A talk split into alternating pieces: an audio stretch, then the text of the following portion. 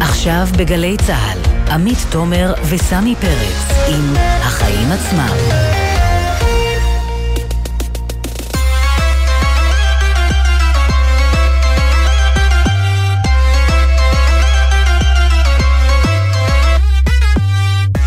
עכשיו שש וארבע דקות, אתם על החיים עצמם, התוכנית הכלכלית-חברתית של גלי צה"ל. אני עמית תומר, ואיתי, כבכל יום שני, נמצא סמי פרץ. מה קורה, סמי? אה, בסדר, אצלי רגוע, אבל תשמעי, יש אנשים שאצלם הרבה יותר סוער עכשיו, כמו למשל המורים, שמוחים בשעה זו ברחבת מוזיאון תל אביב במטרה להעלות את שכרם, לדברר אם זה באמת יקרה. כן, צריך אה, להגיד סוער גם אצל ההורים ששחררו היום את הילדים אה, מוקדם מבית הספר, אז אנחנו נהיה עם כל העדכונים והמפגינים משם, וגם עם שמואל אבואב, מי שהיה מנכ"ל אה, משרד החינוך, ויעזור לנו להבין איך זה נראה מהצד של הנהלת המשרד, ואיך המשא ומתן הזה מתנהל כמי שהיה שם בפנים. כן, ועוד נושאים על הפרק, נדבר על פניית הפרסה של שרת האנרגיה קארין אלהרר והחלטה לאשר רישיונות נוספים לחיפוש גז. עינב קרנר תעזור לנו להבין אם עליית מחירי הנפט צפויה לייקר את מחירי הטיסות שלנו בקיץ. מן הסתם. כן, ואנחנו גם נעסוק בשכר הדירה שמזנק, הכל מתייקר. ונהיה גם עם הסיפור המרגיז הבא, איך למרות התנגדות בעלי המניות, שהם גם אנחנו, הציבור שמושקע דרך קרנות הפנסיה בין היתר, החליט דירקטוריון חברת פועלים IBI לחלק תגמול אה, מנופח לשלושה בכירים, במהלך שהצליח להעלות שאלות ולהרגיז כמה משקיעים, והיא לא היחידה. כן, ועוד עניין לקראת סיום, נהיה עם כתבנו לענייני תקשורת ים יוסף. הוא יספר לנו על שר התקשורת והמינויים שהוא מעכב במועצה שמנהלת את תאגיד השידור הציבורי. יש שיגידו, מעכב באופן תמוה. אז כל זה בשעה שלפנינו, אבל קודם כל, סמי, מה הכותרת שלך היום? אז קודם כל שאלה, נכון שישראל היא Start-Up Nation? כך אומרים. אז זהו שלא. אה, מצד אחד, יש פה אלפי, אלפי חברות סטארט-אפ, שיעור המועסקים בענפי הייטק בישראל הוא מהגבוהים בעולם, שיעור מקבלי התארים במקצועות טכנולוגיה, מתמטיקה, מהגבוהים בעולם. והאקזיטים, והמוחות. אקזיטים, וגיוסי הון ושיאים חדשים, אבל, אבל, אבל, אבל, אבל. אה, הלשכה המרכזית לסטטיסטיקה מפרסמת היום נתונים שמראים ששיעור, בישראל יש שיעור מאוד נמוך של משתמשים בשירותי ממשלה מקוונים, בהשוואה למדינות מתקדמות, שיעור מאוד נמוך של אנשים שעובדים מרחוק, 18% בישראל עובדים מרחוק, לעומת 35% במדינות המתקדמות אחרי הקורונה, והאמת שמה שזה משקף זה שבישראל אין מה לעשות, יש שתי כלכלות מאוד שונות במהותן. אז אני אומר, Start-Up Nation זה נחמד, אבל ישראל תשגשג הרבה יותר כשעוד כמה קרונות שנמצאים מאחור יתחברו לקטר שמוביל את המשק. כותרת שלך. אז אה, זכית פעם בתחרות, סמי? אני מנסה להיזכר. אה, הפרס הכי גדול שזכיתי בו היה, לא יודע, שתי מדבקות. במה? אה, לא זוכר, איפה? רגע, שנייה. אני זכיתי פעם בטוטו, אבל ב-500 שקלים בערך, והייתי בסביבות כיתה ה'. זה נחשב? האמת שלכיתה ה' זה יפה מאוד. ואת יודעת מה ביקשתי מהוריי לעשות עם הכסף? כן? ביקשתי שיקנו לי עוגת סברינה. זה מה שרציתי. יפה, טוב, אפילו נראה לי חשפת להם קצת. אגב, אם הייתי קונה מניות אפל באותה תקופה, אני חושב שלא הייתי יושב איתך היום.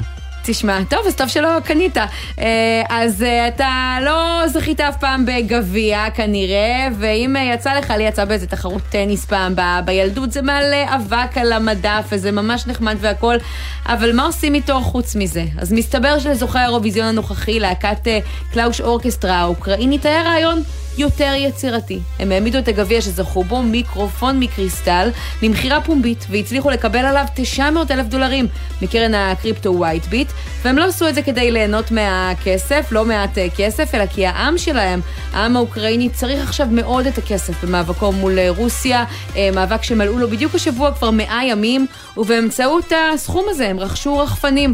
לצבא האוקראיני. עכשיו, קודם כל זה סיפור יפה על הלהקה שאחרי שהביאה אה, גאווה לאומית לאוקראי, לאוקראינה, הביאה להם משהו גם פחות מופשט. וגם, תשמע, אני לא מבינה גדולה באירוויזיון, מודה, אבל יש פה איזו מערכת יחסים מעניינת. הרי בסוף האירוויזיון היא לא רק תחרות מוזיקלית, היא לא פחות מכך תחרות פוליטית, ויש לא מעט מבקרים שאמרו שהסיבה לזכייה היא לא השיר ולא הביצוע של להקת הפולק ראפ, אלא הרצון של מדינות אירופה לפרגן לאוקראינה המופצצת.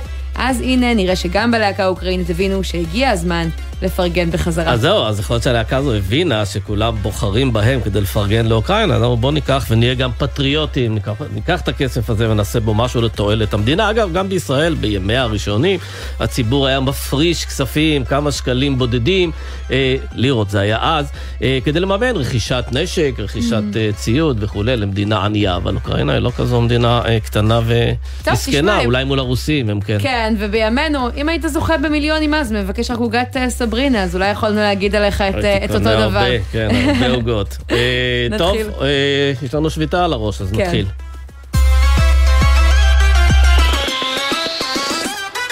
אז חמש שעות, לא פחות, אחרי שהמורים עזבו את uh, כיתות הלימודים וסיימו מוקדם את היום בבתי הספר, הם מתאספים בשעה זאת במוזיאון תל אביב בקריאה להעלות את שכרם, ואיילת ברון, כתבתנו לענייני חינוך, את uh, מצטרפת אלינו משם, תספרי לנו מה קורה. שלום עמית, שלום סמי. אז באמת רק כדי אה, להגיע פה לרחבת מוזיאון תל אביב צריך uh, חמש שעות. יש פה אוטובוסים רבים ואלפים רבים מאוד מאוד שהגיעו להפגין. הרחבה ממש קטנה מלהכיל את כל מה שקורה פה. זו הפגנה מאורגנת מהסוג המאורגן ביותר. כמעט לכולם יש חולצות תואמות. בלונים גדולים מונפים באוויר, ובאמת יש פה אלפים של אה, מורים, הורים ותלמידים שהגיעו להפגין במטרה להעלות את שכר המורים. זה בעצם כמה ארגונים, נכון איילת? אז איך עובדת התלבושת האחידה או המסר האחיד גם? אה, ההפגנה היא לרוב של אה, הסתדרות המורים בראשות המזכ"לית יפה בן דוד והיא מי ששולטת פה ביד רמה ברוב החולצות והשלטים צריך לזכור, אנחנו רק בתחילת ההפגנה, יפה בן דוד אמורה לעלות ולדבר רק עוד שעתיים, כך שהאירוע עוד צפוי uh, לגדול. Uh, רוב השלטים מוכוונים נגד האוצר, כפי שאפשר לתאר. מאז חודש ינואר המורים נמצאים במשא ומתן על העלאת שכרם מול האוצר, שנמצא באיזשהו מבוי סתום. יפה בן דוד אומרת שפה זו רק יריית הפתיחה, כך שכמו שהזכרת, היא השביתה מוקדם את הלימודים ככה בקריסה כדי להראות אני יכולה להשבית אותם לא רק לשעתיים שלוש בפעם הבאה, אלא גם לימים שלמים. בחודש אה, שנשאר לסיום שנת הלימודים. כן, איילת, התרגלנו ששביתות בדרך כלל נערכות בתחילת שנה, והפעם זה נופל על סוף השנה. מה ההסבר לכך? אז uh, ההסבר לכך הוא שבעוד uh, חודש אמורות כבר להיסגר uh, מסגרות התקציב להסכם השכר uh, של הסתדרות המורים. הייתה תקווה בהסתדרות המורים ובמשרד החינוך לסגור את זה לפני הקיץ וללכת לגל גיוסי מורים עם הכותרת של 9,000 אה, או 10,000 שקלים למורה מתחיל, כי אנחנו יודעים שיש מחסור עז במורים לקראת השנה הבאה. אז זה כבר נחסך, אבל מנסים להגיע ככה שמסגרות תקציב ייסגרו עכשיו, ולקראת ספטמבר כבר יהיה שכר אה, סגור וגמור. יש מחשבה על מה הלאה? כלומר, ביום שאחרי אה, מפגן הכוח הזה, מדברים כבר בהסתדרות המורים על המשך העיצומים, או שעוד מוקדם ומחכים לראות מה תהיה תגובת הנגד באוצר? יש כאלה שאומרים שמכאן ניכנס לאיזשהו קמפיין של כל, כל כמה ימים השבתת קטע, כל כמה ימים אה, אה, ביטול של אה, טקסי סיום, טיולים שנתיים. אה, יעקב בן דוד אומרת, נראה, נראה איך יגיבו כאן אה, באוצר עם סגן הכוח של היום, ומשם יחשבו מסלול מחדש. אוקיי, איילת. צריך לזכור גם... יפעת שאשא ביטון, שרת החינוך, כרגע תומכת נלהבת של יפה בן דוד, אבל יכול להיות שאם נראה מעכשיו גל של השבתות וההורים יתחילו לפנות כנגד אה, יפה בן דוד והסתדרות המורים, זו בת ברית שיהיה קשה מאוד להסתדרות לדבר, וכנראה שלא ילכו לאיזשהו קמפיין נרחב, נרחב, נרחב של השבתות, כדי באמת לא לפגוע ביחסים האלה. כן, טוב, איילת, אז נשחרר אותך אה, לפלס דרך לבמה, ואת כמובן אה, תשובי ותעדכני במידת הצורך. תודה. ערב טוב. ואנחנו נפנה עכשיו לנוגה טובול, מורה בבית הספר היסודי גוונים בגדרה, שלום. שלום. את אה, מחנכת כיתה ו', ואני שומעת לפי הרעש שברקע שגם את נמצאת נכון. עכשיו בהפגנה. נכון, גם אני נמצאת פה להביע תמיכה בכל החברות שלי, בכל מי שבעצם רוצה לשפר את השכר, רוצה להגיע לא רק באהבה, אלא גם עם אה, תמורה. אז רגע לפני שאנחנו מדברים על חברות שלך, בואי נדבר עלייך, תספרי לנו כמה זמן את אה, מורה, כמה את משתכרת? אני מורה 19 שנים, אה, תואר ראשון, תעודת הוראה, תואר שני. אה, היום אני מקבלת כמעט שבע וחצי אלף שקל לחודש. נטו או ברוטו? נטו. נטו אני מגיעה כמעט לשבע וחצי. אבל כמובן שזה כשאתה עושה קצת מילואי מקום, כשהמורות החברות חולות, ואתה מגיע קצת לפעמים ביום החופשי להשלים קצת הכנסה, ואתה עושה עוד המון, כמובן עם ריכוז ועם מיליון מיליון דברים כדי עוד להוסיף כמה שקלים לשכר. כן, אנחנו מדברים, נוגה, על משרה מלאה, נכון? או שזה משרה חלקית? משרה מלאה, בוודאי, משרה מלאה. ותגידי, תספרי לנו קצת ככה על המשפחה שלך, אני מניחה שאת גם אימא לילדים בעצמך, לא רק נכון, בשעות הלימודים. אני נשואה, אני נשואה, יש לי ארבעה ילדים, מיותר לציין שהמפרנס היחיד בבית, העיקרי בבית זה הבעל. אנחנו באים לעבודה באהבה, מרצון, אבל לצד זה אנחנו גם רוצים את השכר לשפר כדי שאנחנו לא נצטרך לעשות השלמות במקומות נוספים כמו שעות נוספות, מילואי מקום ושיעורים פרטיים אחר הצהריים. ותגידי, נוגה, כמורה ותיקה, כשבעצם אומרים עכשיו באוצר, גם בחינוך באיזושהי רמה, אנחנו רוצים קודם כל לדאוג למורים הצעירים, להעלות את שכרם, כי הוא שכר עוד יותר נמוך, זה, זה, זה בסדר גודל של קצת יותר משבע וחצי ברוטו. מה את חושבת על העניין הזה? השחיקה בתפקיד הזה כל כך גדולה, אז שהם יצטרכו את החדשים וייתנו להם את השכר, וייתנו להם את השכר, אבל בעצם מי שכבר מחזיק את המערכת, האנשים בעלי הידע, בעלי הניסיון, בעלי... כל המשל, כבר יש לנו כל כך הרבה ידע שבא עם השנים, ואני לא מדברת רק ידע פדגוגי, אלא הרבה יותר מזה, בניהול כיתה, אז אותו אנחנו נפספס, והיום יש המון מורים שעוזבים בשנים הראשונות, אבל לא רק בשנים הראשונות. בעיקר עכשיו אחרי הקורונה כולנו מותשים. כן, נוגה, אבל את יודעת, אני מסתכל קצת מבחינה תקציבית. תקציב החינוך במשך עשור הוכפל, וכשאתה רואה את ההישגים הלימודיים, הם לא השתפרו משמעותית, ואתה תוהה הרבה פעמים... האם הכסף הזה לאן הולך? הוא הולך למשכורות, אני לא יודע למי. לא היינו מצפים שהעלאת השכר האלה יביאו גם יותר תוצאות ברמה של ההישגים הלימודיים? אני מסכימה, אבל מי תסתכל רגע, שמי שנכנס היום להוראה לא דווקא האוכלוסייה החזקה, כי אנשים שרוצים שכר הולכים ללמוד דברים אחרים. מי שמגיע לחינוך זה אנשים שמגיעים עם אידיאולוגיה, מגיעים עם ערכים, מגיעים עם אהבה. אהבה ענקית לילדים ולתפקיד. זה לא עוזר, עם זה אני לא הולכת למכולת. ועם יד על הלב, יש לך מחשבות לפעמים? בשביל מה אני צריכה את זה תכף 20 שנה במערכת? אולי אני אעשה משהו אחר, משהו רווחי יותר? כן, כן. זו הסיבה שהלכתי ללמוד את התואר השני, כדי לתת לעצמי אפשרויות להשלמת הכנסה, לפתחי מילוט, אפשרות לדאוג לכלכלת המשפחה שלי. כן, תגידי, נוגה, מה דעתך על הרעיון של שכר דיפרנציאלי? כלומר שמורים טובים יקבלו הרבה, ומורים פחות טובים לא יקבלו תוספות שכר. כלומר שזה לא יהיה תוספת אחידה לכולם. מה דעתך על הרעיון הזה?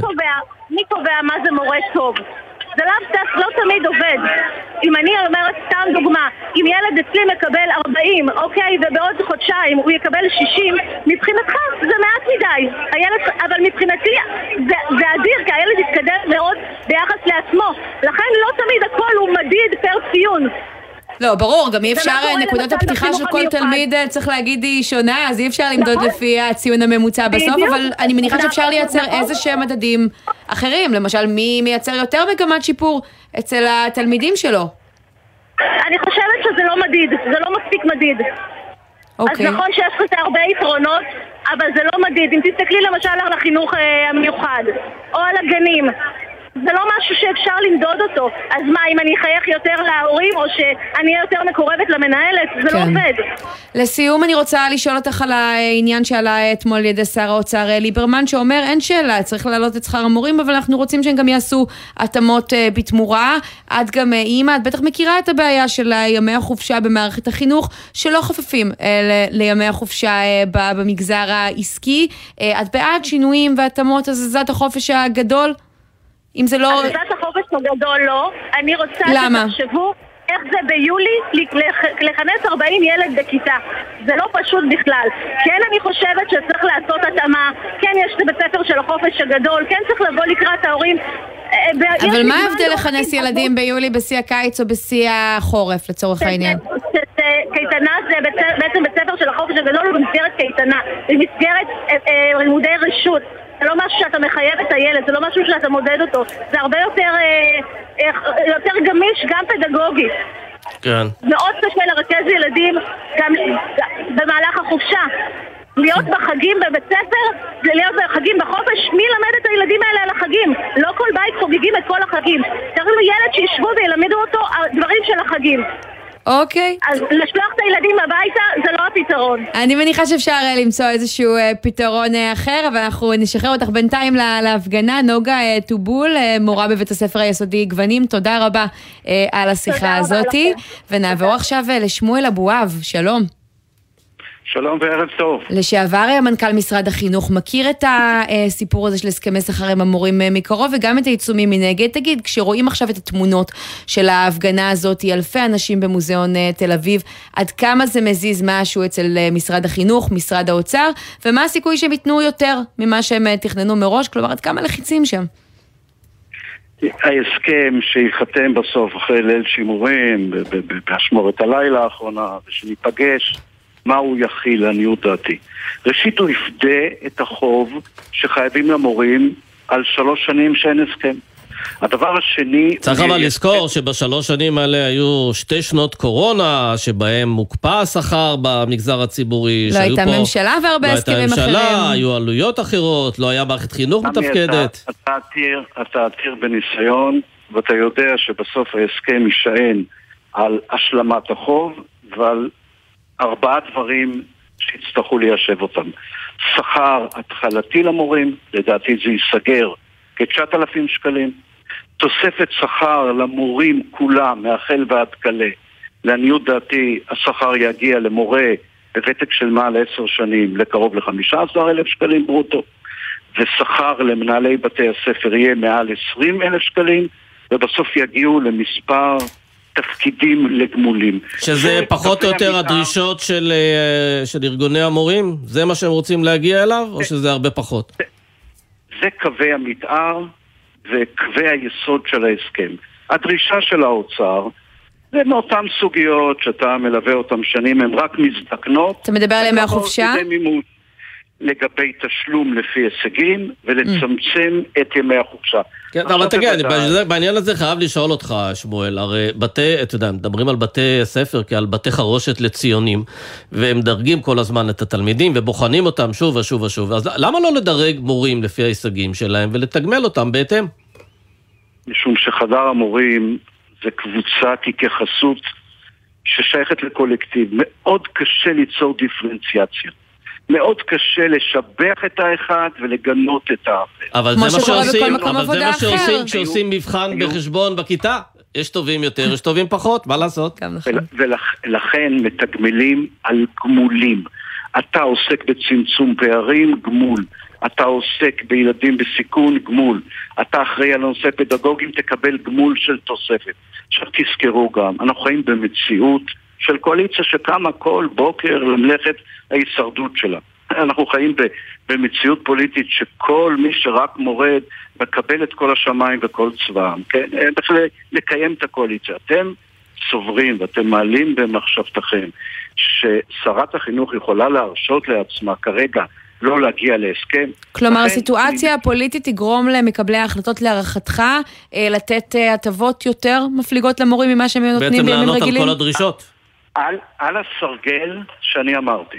אי אפשר להפר את הסרגל הזה משום שכל האחרים יבואו בדרישות.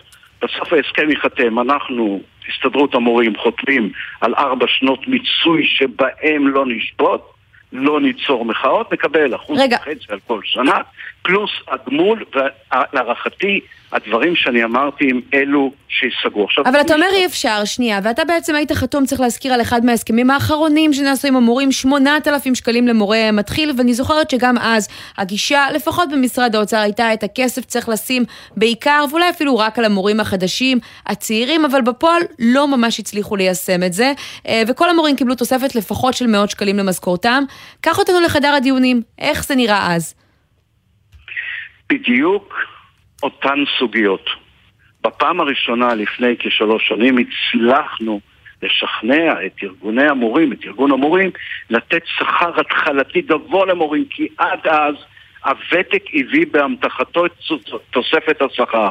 ומורה מתחיל הוא לא חלק מהמניין של המורים שנמצאים בארגונים, לכן לא... אבל הנה, גם עכשיו אתה אומר, שכר. כדי להוסיף שכר למורים המתחילים, צריך להוסיף שכר גם למורים המבוגרים, אז לא עשינו פה הרבה. עמית, כן. עמית, הכל זה כלים שלובים. אין סיכוי לשכר למורים חדשים ולהותיר מאחור את הוותיקים. בסוף זה כלים שלובים שבנויים על מתחילים, על הקיימים, על המנהלים. אבל זה אומר שבעצם אה, המערכת שמה בראש מעייניה את השקט התעשייתי בקרב המורים, הארגונים, לפי ותק וכולי, ולא את טובת, ה, את טובת התלמידים, או את טובת ההישגים החינוכיים שהיינו רוצים להשיג. שם תפריד בין הסכם שכר לבין רפורמה. עכשיו מדובר בהסכם שכר. הסכם שכר בנוי על כללים מאוד ברורים שקבע אותם האוצר.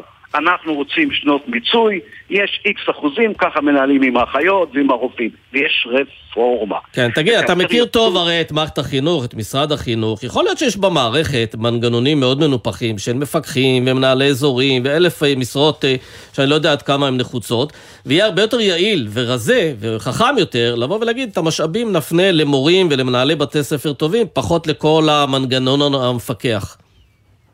השינוי הגדול שצריך לעשות במערכת החינוך זה התאמת המערכת לדור הדיגיטלי. זה דור שנוסע במהירות, של, חושב במהירות של 200 קילומטר בשעה, ומערכת החינוך מתנהלת ב-60 קילומטר בשעה. מה זה אומר? צריך לעבור לשיטת לימוד חדשה שמכילה שלושה מרכיבים. לשם העולם הולך. מרכיב של ידע, ולא להקליל את הידע ולא לרדד את הידע ולא לוותר על הידע כמו, ש... כמו שעושים היום.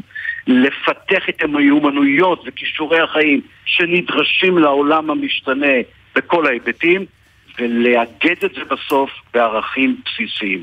והשיעורים כן. יכילו את שלושת המרכיבים האלו ויעשו בצורה טוב. לא פרונטלית, כן, שמואל אבואב, כן. אני מזכירה שאתה מוקלט, ואנחנו אה, נחזור כשיהיה הסכם ונבדוק עד כמה ההערכות שלך היו אה, נכונות. בינתיים, המון תודה על השיחה הזאת. תודה ובשורות טובות. תודה. עמית, לפני כמה שבועות שרת האנרגיה קארין אלהרר אה, אמרה שהיא תעצור את חיפוש הגז הטבעי, לעבור לאנרגיות ירוקות, והנה היום היא עושה פניית פרסה, היא מודיעה על המשך חיפוש הגז הטבעי. צריך להיות הוגנים ולהגיד שזה היה לפני המשבר בין רוסיה לאוקראינה, שאני חושבת שככה הכתיב חוקי שינה, משחק שינה חדשים. שינה משהו, כן. כן. אז יכול להיות שזה, ויכול להיות שיש עוד סיבות, ואותם ננסה לברר עם אמיר פוסטר, שהוא מנכ"ל איגוד הגז הטבעי. שלום אמיר. ערב טוב, שלום. אז מה, יכול להיות שהשרה אה, נתונה ללחצים של אה, חברות שמפיקות גז, והן לוחצות, עליה כדי לאפשר בכל זאת עוד חיפושי גז, ואולי הן רוצות גם לייצא יותר גז ולנצל את הסיטואציה באוקראינה, רוסיה ובשוק הנפט העולמי? אוקיי, אז אני קודם כל אשבור פה איזה מיתוס סביב העניין הזה. בעצם בהחלטה הזאת אה, לאפשר אה, חיפושים חדשים, אה, ההחלטה הזאת כרגע בכלל לא כוללת את השחקניות הנוכחיות. זה לא קשור אה, לשחקניות הנוכחיות, וזה קשור בעיקר אני חושב למה שמתרחש בעולם. המסר בעצם היום שמדינת ישראל משדרת החוצה זה שאנחנו בעצם כתף אל כתף עם שוק האנרגיה הגלובלי וזה מסר מאוד מאוד חשוב. תראו, ארצות הברית מקדמת עכשיו בשיא הכוח אה, חיפושים נוספים לגז וגם לנפט. כנ"ל נורבגיה, כנ"ל אנגליה. בעצם אין מדינה מפותחת שלא רצה בשיא הכוח עכשיו אה, אה, לחפש גז ונפט. אבל אנחנו יודעים שזה מדובר בתהליכים מאוד מאוד ארוכים, עד שאתה מוציא מכרז, ועד שאתה בוחר זוכה, ועד שהוא מתחיל לקדוח, ועד שהוא מגייס כסף, לוקח, יכול לקחת הרבה מאוד שנים, אם הוא מוצא בכלל. נכון, אבל, אבל העולם, צריך לזכור שהעולם עכשיו משתנה, עולם האנרגיה בצורה דרמטית. תראו, רוסיה היא כמו, הייתה עד עכשיו כמו הברצלונה של הגז הטבעי. היא הייתה השחקנית הכי גדולה, העוצמתית ביותר, הבלתי מעוררת, מעוררת. ומה שקורה עכשיו זה פשוט שינוי טוטאלי מוחלט. אירופה הבינה שהיא לא יכולה לסמוך על רוסיה בכל מה שקשור לאבטחה ולאספקה של גז טבעי. ו... הם מנסים למצוא פתרונות. עכשיו, לבוא ולקחת 150 BCM של גז טבעי שהם מקבלים היום מרוסיה ולהביא אותם ממקומות אחרים זה משימה מאוד מאוד מאוד קשה. אבל אמיר, רגע, כל מה שישראל- שאתה בעצם בא ואומר, מדבר על הכאן אה, ועכשיו, וגם הגז הטבעי טוב לכאן לא ועכשיו, כי הוא נחשב. מזהם לא, פחות ל- מדלקים אחרים. לא, לא, לא, לא, זה לא על הכאן ועכשיו. כשאנחנו מדברים על ביזור אה, אספקת גז לאירופה, גם האירופאים מבינים, הם לפעמים אולי לא יגידו את זה בקול רם, כי הם לא רוצים... שתפיסתית יבינו עד כמה הם תלויים ברוסיה גם לשנים הקרובות. אבל יש בעיה? עם הגז הטבעי והיא בעיה קדימה, ולכן עד עכשיו לא היינו בחיפושים בכל הכוח. מחקרים בעיה? מעידים שהוא יותר תורם להתחממות הגלובלית. לא, אז אני אגיד לך כזה דבר על הגז הטבעי. הגז הטבעי בעצם הוא לא מתחרה של הפחם, של, ה, של האנרגיות המתחדשות, סליחה. הגז הטבעי לא מתחרה של האנרגיות המתחדשות, הוא המתחרה של הפחם. הפחם פולט לאוויר יותר מפי שניים גזי חממה מגז טבעי לאורך כל שרשרת הערך. ברגע שמשתמשים בגז טבעי במקום פחם, מיידית מורידים את פליטות גזי החממה, זה פעם אחת. דבר שני, הגז הטבעי הוא לא מזהם. זיהום אוויר זה זיהום שגורם לבעיות וחולי סביב תחנות כוח ש... אה, מייצרים בהם חשמל מפחם. הגז הטבעי מוריד את הזיהום הזה כמעט לאפס. Okay. עכשיו, ברגע שרוצים לעשות מהלך, תראו, ב- בסין 80 אחוז, סין 80 אחוז מהחשמל שם מיוצר מפחם. אי אפשר לעבור בבת אחת מזה לאנרגיות מתחדשות. גם באירופה לא. כן, אמיר, תגיד, אומרים? יש הבנה באיחוד אומרים? האירופי... אם לא יהיה לנו גז, הם יעברו לפחם, כי האנרגיה המתחדשת, כן. שצריך ללכת אליה הכי מהר שאפשר, הקצב הוא מוגבל. אמיר, רק זה, לגבי אין העניין של האיחוד האירופי וה-. והתפקיד שהוא כן. ממלא פה, השאלה היא, בכך שהוא מעודד אה, חברות באירופה, במערב, אה, לפתח אה, שדות גז, השאלה אם יש הבנות שהם גם יקנו את הגז הזה ולא יחזרו לרוסים מיד אחרי שהמלחמה הזאת תסתיים. כלומר, יכול להיות שההשקעות האלה ירדו לטמיון, אם פתאום רוסיה תהפוך למדינה קצת יותר, אה, נקרא לזה, חמודה. תראה, מה, מה שאתה אומר, מה שאתה אומר, אה, אתה, אתה בעצם מעלה טענה שהיא טענה, שאלה שהיא שאלה טובה מאוד. מה שקורה אבל באירופה היום זה שהם חוו על בשרם את התלות ברוסים. זה טעות שאי אפשר לעשות פעמיים. זה טעות שאפשר לעשות פעם אחת. חברות אנרגיה מתרסקות, תעשייה מתרסקת. תחשבו שעכשיו בישראל מחיר החשמל היה עולה פי שניים וחצי שלוש. כן. תחשבו שהתעשייה הייתה צריכה עכשיו לקבל אנרגיה במחירים שהם פי שש עד פי שבע יותר גבוהים טוב, לא נעים לומר, אבל. בוא נראה לאן המשבר הזה עוד אה, יגיע. אני רוצה לסיום לשאול אותך ברמה אה, הפרקטית. אמרת, החברות הגדולות לא ייהנו מזה. מי כן צפוי אה, לחפש את הגז ולהוביל את זה, ותוך כמה זמן אנחנו מצפים לראות תוצאות? תראו, קודם כל, אני מאוד מקווה שיבואו לפה שחקנים גדולים, אה, בינלאומיים, בעלי יכולת אה, ביצוע גבוהה. עכשיו תבינו, העולם מתחרה על החברות האלה. העולם מתחרה. ואנחנו צריכים בישראל להיות חכמים כדי לאפשר כניסה של השחקנים האלה. אני גם חושב, אני באופן אישי, שגם השחקנים הנוכ- הנוכחיים הגדולים, כן? יצטרכו, אה, אה, יהיה טוב לתת להם אפשרות להצטרף ל- ל- ל- למכרז הזה, מהסיבה הפשוטה שמכירים היטב את השטח, וגם הגז החדש ש... אני מקווה שימצאו, הוא אמור ללכת לייצוא. עכשיו, פונקציית המטרה שלנו בתור ישראל צריכה להיות מקסימום הצלחה בחיפושים, טוב, אבל ראינו אה, בעייתיות בהתנהלות של החברות הגדולות האלה. ובהסכמים איתם ובכוח שלהם אפשר כן. לפתח על זה דיון אה, שלם, ראינו אבל זמננו אה, לרעה, ברור, של הכוח המונופוליסטי. קצר, אז אני לא בטוחה שאני כן. מסכימה, אבל אה, אתם מדברים בפעם ביחד, הבאה. אז לא כל כך שמעתי. אמרנו רק שאם ייתנו לחברות הקיימות לחפש גז, ראינו כבר את הניצול לרעה של הכוח המונופוליסטי שלהן, לכן אולי צריך? לשקול. לא, אתה, אתה אומר פה דבר ש, שאתה צריך להסביר אותו אז למאזינים תמצא את זה שיבינו בפרוטוקולים. שבהם בעלי, בעלי מאגר תמר רבו לא ביניהם וזה הגיע לרשות לא התחרות. אז אפשר למצוא אגיד- את זה. אני רק אגיד לסיום. במשפט? החברות הנוכחיות, החברות הנוכחיות, הנוכחיות הביאו את מחיר הגז בישראל להיות הכי נמוך בעולם by far. בארצות הברית המחירים של הגז הטבעי, מפיקת הגז הכי גדולה, השוק הכי תחרותי שיש, הם יותר מפי שניים יותר גבוהים מבישראל. אתם קולטים את זה? תראו לי עוד מוצר אחד שיש בישראל שהמחיר שלו כל כך נמוך אוקיי. לעולם. יפה. אמיר פוסטר. מנכ"ל איגוד הגז הטבעי, תודה אה, רבה, ואנחנו נמשיך לעקוב, גם אה, בעזרתך אולי אחרי סיבוב הפרסה הזה של אה, השרה קארין אלהרר, אחרי הלחצים של בנט לפיד וליברמן, נראה איך זה ייראה במבחן התוצאה. תודה רבה. כמה חודשים... ערב טוב, ביי ביי. כמה תשדירים ואנחנו חוזרים.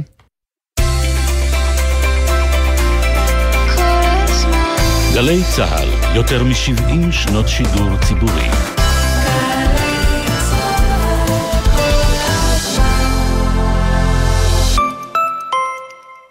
מתעורר באיחור, שותה קפה זריז, ויוצא בריצה לאוטובוס. רגע, חכה! יש, הספקת! אה, עכשיו יש לך המון זמן למחשבות. אולי כדאי להוסיף קו אוטובוס בכניסה לעיר? למה אין קווי לילה בשכונה שלי?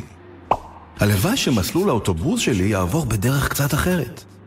אילו רק היו שואלים אותי, הייתי עושה...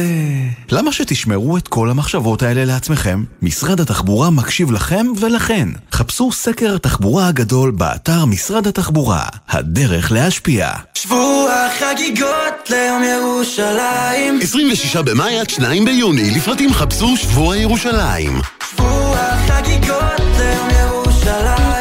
לדירה חדשה? בשעה טובה.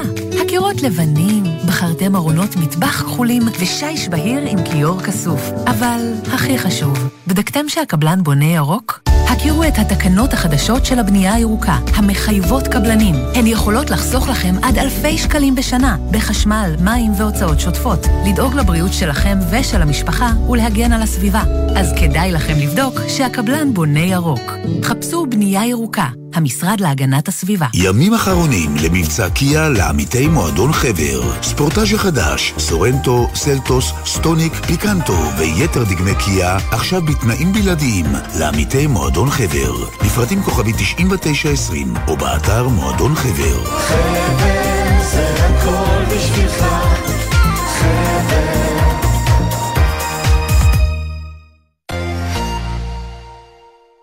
גלי צה"ל ואוניברסיטת בר אילן מציגות מי אני שיר ישראלי. הרצאות ודיונים על המוזיקה בארץ במשך הדורות, וגם אירוע הוקרה לזמר והיוצר חנן יובל. אבל השיר הזה נשאר מי אני שיר ישראלי.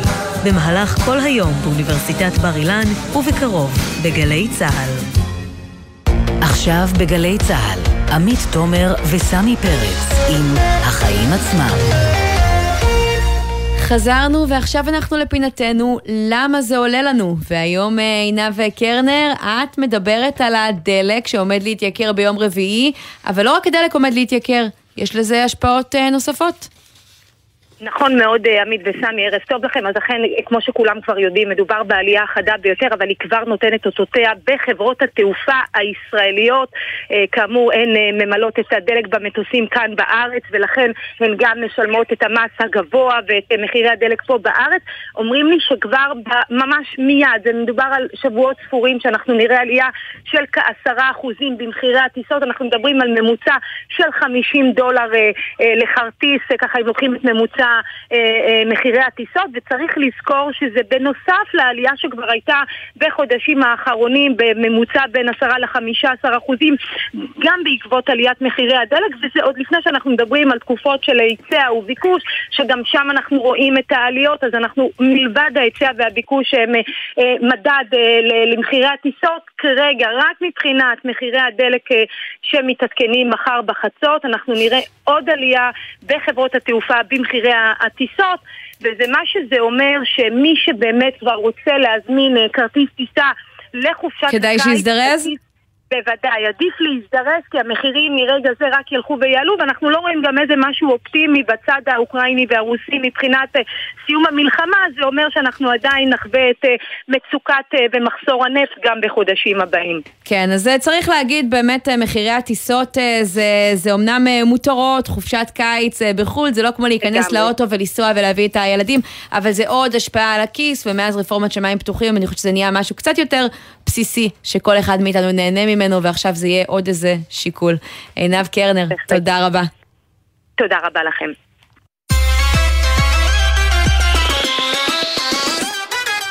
אז יש סיפור שמסעיר את אה, שוק ההון, אה, פועלים IBI, חיתום, מאשרת תגמול אה, לשלושה בכירים שלה ב-22 מיליון שקלים, אבל זה בניגוד לעמדה של אחד מבעלי המניות הגדולים שם, שזה בנק הפועלים, ואנחנו רוצים לברר קצת איך עובד העניין הזה, ואיך הסתיים הסכסוך הזה. אנחנו נדבר עם רפאל בירנבאום, שלום. שלום. פעיל בשוק ההון, מוביל קהילת משקיעים. אתם מושקעים בין היתר אגב בחברה הזאת? אני אין לי קשר לחברה הזאת, או לכל אחת מהחברות האחרות שאני מדבר עליהן. אבל משהו בכל זאת שם העלה לך את הפיוז, הסתכלת אה, על הדוחות, ראית שהולכים לתת בונוסים מאוד אה, מנופחים אה, לכל מיני בכירים שם, וזה קורה ביותר מחברה אחת, תכף אה, תפרט, וזה קורה בניגוד לעמדת האנשים שאפשר לומר מעסיקים את האנשים האלה, קונים מניות של החברה הזאת.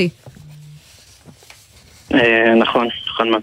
אז תספר לנו ככה, תן לנו איזו תמונת אה, מצב, אתה אומר זה קורה בדרך כלל, אבל הפעם אנחנו נתקלים במקרים כאלה, השבוע זה החריג במיוחד. אוקיי, קודם כל אני רוצה רגע לתת הקדמה קטנה על איך בנויה החברה הציבורית. אוקיי, יש לנו שלושה אגפים. יש לנו את הנהלת החברה, שהיא אחראית על הפן התפעולי של העסק. יש לנו את בעלי המניות ויש לנו את הדירקטוריון, שהוא התפקיד שלו הוא לתווך בין אה, בעלי המניות לבין הנהלת החברה ולהיות שומר הסף ובעצם הנציג של בעלי המניות אל מול ה... מול לפקח. על עבודת ההנהלה, אפשר להגיד את זה. אפשר להגיד, כן, לפקח על העבודה שלהם. כן, ופה אנחנו רואים את הדירקטוריון פשוט זורם עם ההנהלה ואומר, אנחנו מאשרים לכם, למרות הביקורת של בעלי מניות, אנחנו מאשרים לכם את החבילת תגמול הפרועה הזו, אפשר לקרוא לזה כך. אז ספר לנו איפה ראינו את זה קורה. אוקיי, אז קודם כל ראינו אה, בשבועיים האחרונים שלוש פעמים שנעשתה אספה של בעלי המניות בשביל לאשר תגמול להנהלת החברה, ובעלי המניות החליטו לא לאשר את התגמול ההוא. אוקיי, ואז? עכשיו... ואז הדירקטוריון הגיע, והדירקטוריון החליט בכל זאת לאשר את אותו תגמול. בניגוד להחלטת בעלי המניות. ואיך הם מסבירים את זה? אז הם מסבירים את זה כל, בכל מקרה, מסבירים את זה בצורה אחרת, אבל הם מסבירים את זה שאו שמגיע לה- להנהלה בכל זאת, או שהם מפחדים שההנהלה תעזוב עכשיו. ותקים חברה מתחרה. אבל זה לא העניין, מה שחשוב... אבל זו הטענה הכי, אה, איך נקרא לזה, הקלישאה הכי אה, ישנה ישנה בספר. בספר. תמיד אומרים, כן, תמיד אומרים שבסוף המנהלים האלה ילכו למקום אחר. אגב, אמרו את זה בזמנו גם על מנהלי הבנקים, שהם ילכו למקום אחר אם יגבילו להם את השכר, והנה הגבילו להם את השכר על פי חוק, ועדיין הבנקים יש להם ביצועים מאוד מאוד טובים. אז למה זה לא קורה בחברות הרבה יותר קטנות מאשר אה, בבנקים? אני לא רוצה להתייחס ספציפית למקרה הזה, אני לא רוצה עכשיו...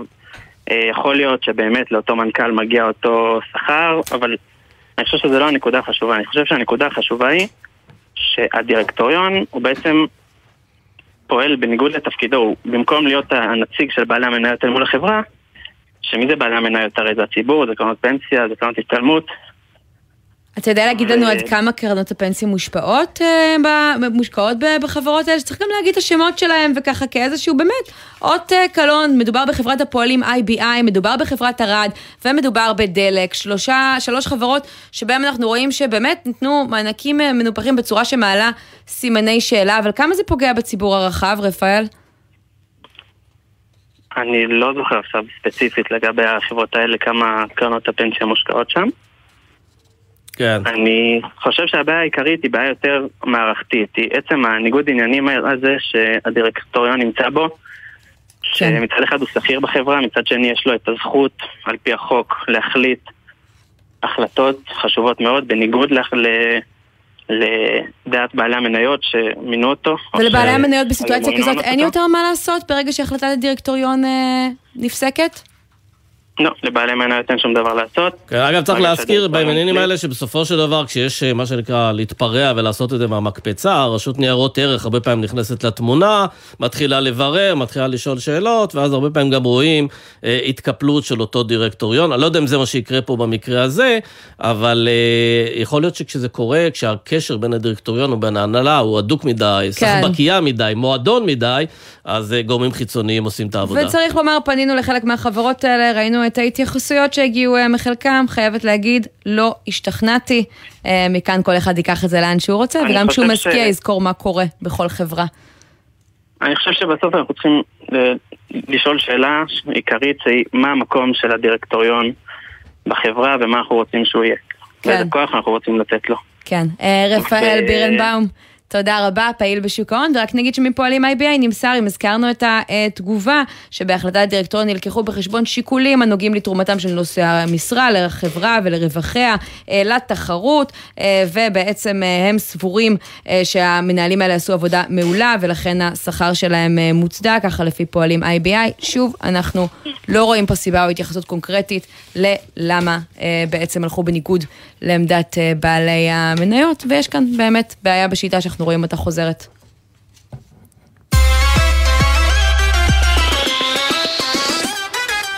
אנחנו מדברים פה הרבה על עליית מחירי הדירות עמית, אה, 16, יותר מ-16% בשנה האחרונה, ואחת התעלומות שהייתה עד עכשיו זה שמחירי השכירות לא עלו בקצב שבו מחירי הדירות עולים, אבל יכול להיות שאנחנו חוזים בעצם בימים אלה באיזושהי תפנית. תשמע, אני חייבת להגיד לך שאצלנו בבועה התל אביבית, אני אה, ככה גרה במרכז תל אביב, מרגישים את זה כבר הרבה מאוד אה, שנים, אבל אומרים אלה צרות של עשירים, אתה בוחר לגור במרכז תל אביב, אתה פריבילגי, תשלם את המחיר. ואני חושבת שמה שמעניין עכשיו, זה שאנחנו רואים בנתונים של חברת אה, מדלן, שזה באמת קורה בכל רחבי אה, הארץ, אה, מגמה מאוד בולטת שככה כבר קשה להתחמק ממנה. כן, אז בוא נדבר על העניין הזה עם טל קופל, מנכ"ל מדלן, שלום לך. שלום, שלום. אז אתם באמת אה, מזהים עלייה חדה במחירי השכירות, אבל אתה יודע, הדבר המוזר הוא, כשמסתכלים על מדד המחירים לצרכן, לא רואים שם שדמי השכירות עולים בשיעור כה חד, כמו שרואים מהטבלאות שלכם, אנחנו מדברים פה ברמת השרון, אנחנו רואים עליות של אה, 27 אחוזים, 41 אחוזים בדירות ארבעה חדרים, בהרצליה זינוק של 17 אחוזים בדירות שלושה חדרים, של 32 אחוזים בדירות של ארבעה חדרים, איך אתה מסביר את הפער הזה? אז תראה, קודם כל אה, חשוב להגיד שמהבדיקה שעשינו במדלן, אם מסתכלים שנייה על ממוצע ארצי, אנחנו רואים עליות של כמעט 14% במחירי השכירות בישראל. זה נכון מה שציינת אה, לגבי הערים הספציפיות האלו, עיקר העליות אנחנו מייחסים אותם לריבוי של בנייה חדשה. אה, בערים שציינת, רמת השרון, אור יהודה, אשקלון והרצליה, אז באמת יש שם בנייה מרובה בפרויקטים של התחדשות עירונית, ולכן אנחנו רואים שם את עיקר עליות המחיר בשכירויות. כן, אה, והשאלה היא באמת, אה, הפער הזה של מחירי הדירות שעלו בצורה חדה בשנים האחרונות, ומחירי השכירות שלא הדביקו אותם, אה, לפחות עד עכשיו, מה ההסבר לזה בעיניך? אז אני חושב שאם אנחנו מסתכלים רגע על, על, על בכלל למה יש לנו עליות, למה זה קורה ומאיפה נובע עליות המחיר, אז אחד, אני חושב שזה בסוף גם הורדת מס הרכישה שהביאה לכניסה של לא מעט משקיעים חדשים לשוק. הם ללא ספק רוצים לראות את התשואות גבוהות על ההשקעה שלהם, אנחנו רואים את זה גם במיוחד בתל אביב, עיר שבה תשואת השכירות היא עומדת על 2%. אה, ואין ספק, המשקיעים רוצים לקבל תשואה כמה שיותר גבוהה על ההשקעה שלהם, וזה אומר שהם גם אה, הם מותחים את דמי השכירות כלפי מעלה. בסך הכל הארצי. אנחנו רואים שהיה זינוק אה, במחירי השכירות מ-2021 ל-2022 של כמעט 14 אחוזים, שזה בערך כמו הזינוק אה, במחירי הדירות אה, למכירה.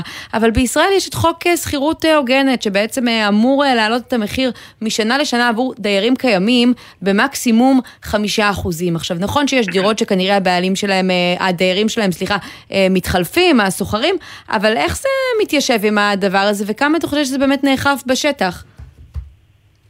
טוב, אז קודם כל בסוף מדובר בשוק חופשי, ובעלי נכסים אה, בסוף יכולים אה, לעשות עם הדירה שלהם, אה, לבחור אה, איזה מחיר הם רוצים אה, אה, להגדיר את שכר הדירה שלהם, ואנחנו רואים באמת שבאמת אין פה חוקים, אנחנו שומעים גם על לא מעט מקרים של בעלי נכסים שפשוט אה, בסוף אה, תקופת השכירות מודיעים אה, לשוכרים שלהם שהם מעלים את זה משכר הדירה ולשוכרים אין באמת אה, אה, מה לעשות בנידון, אף אחד מהם לא רוצה להיות מטורטר, לקחת את הציוד שלו, לבזבז אה, ימי חופש ולחפש שכר דירה והם נאלצים לקבל את עליית המחיר. עכשיו, להבדיל ממקומות אחרים שאנחנו רואים בעולם, שבה המדינה כן מתערבת, כמו אה, בגרמניה, כמו בצרפת, אה, בישראל זה עדיין לא משהו שקיים, ולכן... ישראל אה, זה ג'ונגל, בוא. נודה באמת. כל אחד יכול לעשות מה שהוא רוצה, אבל תגיד, אנחנו רואים בדרך כלל בקיץ יותר מעברים בין דירות, נכון? של שוכרים. אז יכול להיות שהבום הגדול של עליית השכירות הוא בכלל לפנינו ולא אחרינו?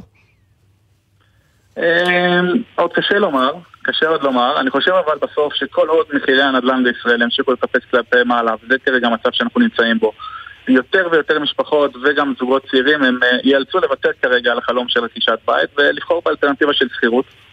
זה מן הסתם מגביר עוד יותר את הביקושים, ובהלימה אנחנו גם אה, צפויים לפחות בטווח הקצר לראות אה, עלייה גם בשכר הדירה. אז לסיום תן לנו איזה טיפ למי ששוכר דירה שלא יכול להרשות לעצמו אה, לקנות דירה. איך אפשר בכל זאת להתמודד עם המחירים המאמירים האלה? האם יש משהו ש, שאפשר לעשות חוץ מלהיות מאוד נחמד לבעל הדירה שלך ולקוות שבחרת אותו נכון? או להישאר לגור אצל ההורים. אז להישאר לגור אצל ההורים זה בהחלט יכולה להיות חלופה, אבל בכל זאת אם אנחנו נמצאים כרגע ומקבלים איזושהי בשורה מהמזכיר על עליית שכר דירה, הייתי מציע קודם כל אה, אה, לא ישר לקבל את זה, ואפשר לבדוק חלופות אה, כמו שהתחלת את ה... את השיחה ואמרת שיש בחירה לבחור בתל אביב, אבל אפשר גם ללכת לצורך העניין ולבחור על אלטרנטיבות שהן קצת במרחק אה, מחוץ לגוש דן ועדיין להישאר באופן קרוב לתחבורה ציבורית לצורך הדוגמה ולבחור במקום שאתה יכול להגיע ולהיות נגיש, אבל עדיין בשכירות שתהיה ביותר שפויה ממה שאנחנו רואים כרגע. אז uh, הטיפ אולי הכי גדול זה uh, להישאר יותר מאופק, לחשוב על עוד כיוונים, אולי אפילו להסתייע באיזה איש מקצוע כמו כמתווך שיכול לעזור בתהליך הזה. אה, וזה בהחלט יכול על לחסוך... צרת אה, המח- המתווכים אנחנו יכולים לדבר בפעם אחרת, יש לי הרבה מה להגיד על זה ואנחנו צריכים לסיים. טל קופל, מנכ"ל מדלן, תודה רבה. תודה, תודה, תודה מאזינים.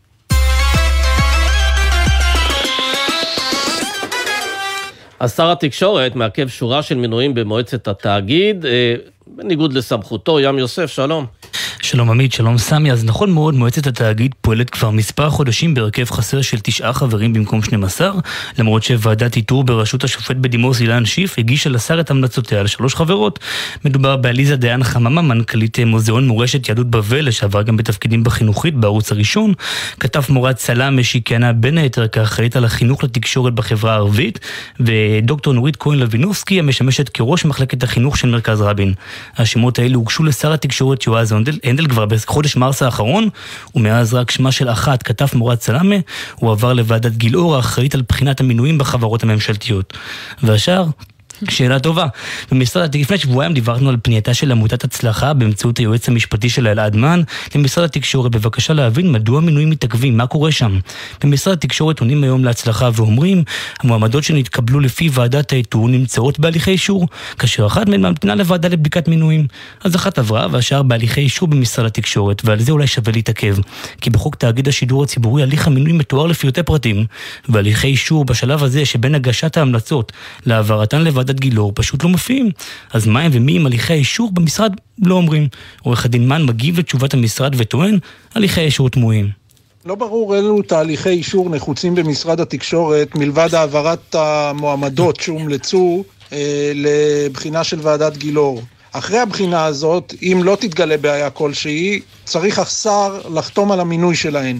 המחוקק ביקש להרחיק במפורש כל שיקול שהוא לא מקצועי מהליך הבחירה, ולכן הוא הפקיד את שיקול הדעת הזה בידי ועדת האיתור ולא בידי השר. אז באמת הליכי אישור תמוהים, סדר, סדר הפעולות אמור להיות אם כך כזה, הוועדה מגישה את השמות לשר, השר מעביר לוועדה האחראית על המינויים, וכשזו מאשרת, השר מבקש לחתום, מתבקש לחתום על המינוי. והשר חייב לחתום על המינוי או שהוא רק ככה מומלץ שהוא יעשה את זה? אה, זה כי הוא כמעט חייב. החוק אומר שר התקשורת ימנה את חברי המועצה בהתאם לוועדת, להמלצות ועדת האיתור. כלומר, הוא לא יבחן, הוא לא ישקול והוא לא ידון, הוא ימנה. יש לו את האפשרות לנמק בפני ועדת האיתור או ועדת המינויים מדוע הוא סבור שאלו לא ראויים, אבל צריך שיהיה פה נסיבות אה, באמת קיצוניות. אבל גם אי אפשר להתקדם בלעדיו, נכון? נכון. אז- כן, צריך לזכור גם שהמועצה בסופו של דבר גם זו שמשפיעה על מי יהיה המנכ"ל הבא, וכרגע המנכ"ל פרש, אז יכול להיות שדרך זה גם שולטים גם בשאלה הזו. ומהצד השני, סביב אה, הנדל עולה השאלה, מה, מה השיקולים שלא לעכב את המינויים של שתי הנשים האחרות שאותרו? אולי סיפור אה, פוליטי? תסלח לי שאני רצה לשם אחרי תיק 4000 תמיד ישר, אבל זה קצת תמוה.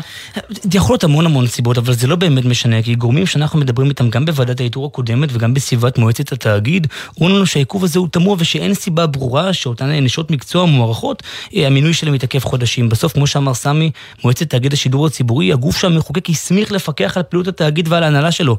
כמו שאמר פה המרואיין הקודם, בסוף בעלי המניות הם אנחנו, הציבור.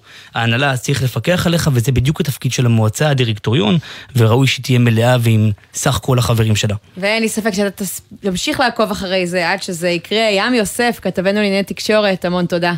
תודה.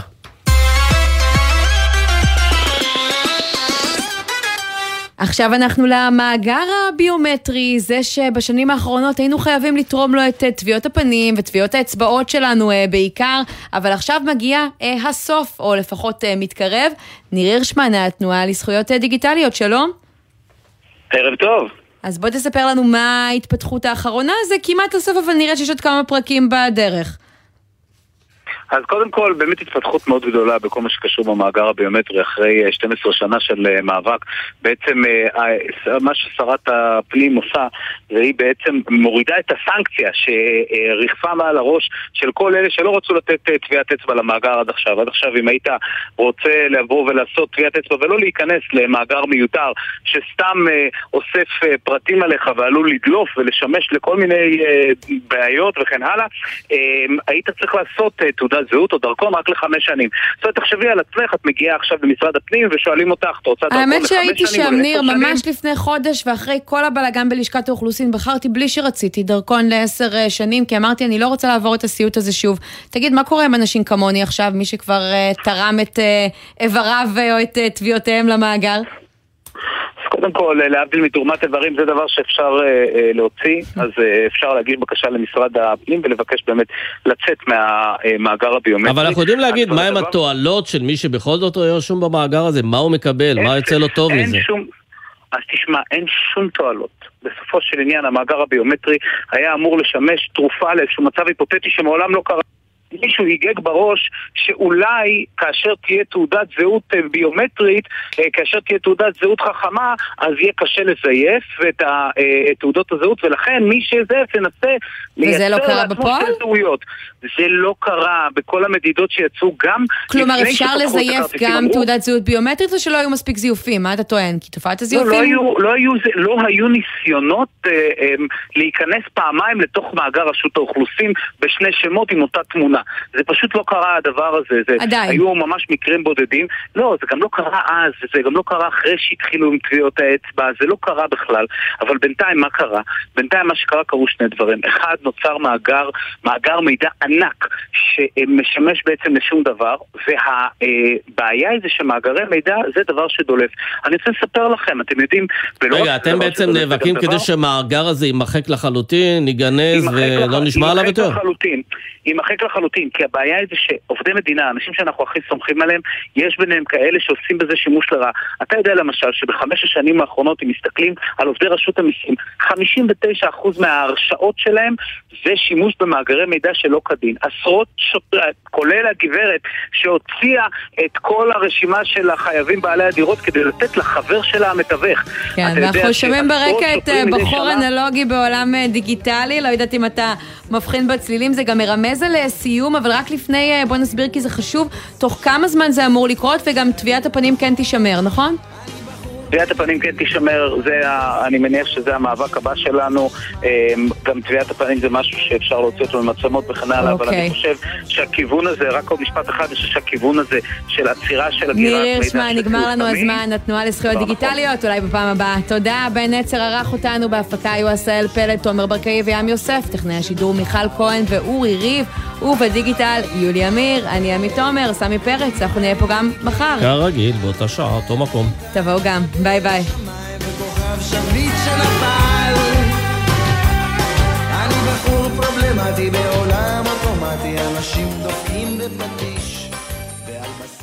בחסות אוטודיפו, המציעה מצברים לרכב עד השעה תשע בערב בסניפי הרשת, כולל התקנה חינם. כי כדי להחליף מצבר, לא צריך להחליף לשעות עבודה יותר נוחות. אוטודיפו. גלי צה"ל, יותר מ-70 שנות שידור ציבורי.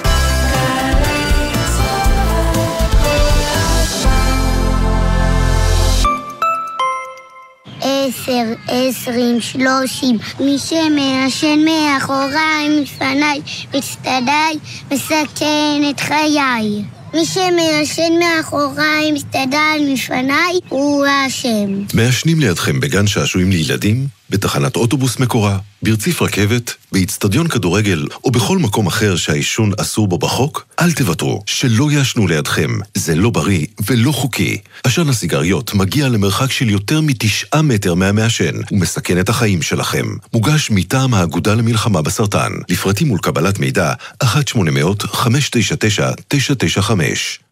תיאטרון יידישפיל גאה להציג החתן המושלם של רוחלה דרמה מאת סביון ליברכט בעיבוד חדש העוסק באהבה ובזיכרונות בהשתתפות אלי גורנשטיין ושחקני התיאטרון להזמנות חייגו כוכבית 6797 כשלא התחשק להם לצחצח שיניים, התעקשת. כשלא בא להם לעשות שיעורים, התעקשת. כשהם לא רצו לאכול ירקות, התעקשת. אז עכשיו, כשמדובר בחיים שלהם, אתם מוותרים? הורים, קסדה מקטינה ב-50% את הסיכון לפגיעת ראש. על אופניים חשמליים וגלגינוע, קורקינט חשמלי, חובה לחבוש קסדה תקנית עם מחזירור. עם הראש לא משחקים, על קסדה לא מוותרים. עוד מידע על רכיבה בטוחה על כלים חשמליים באסקרלבד.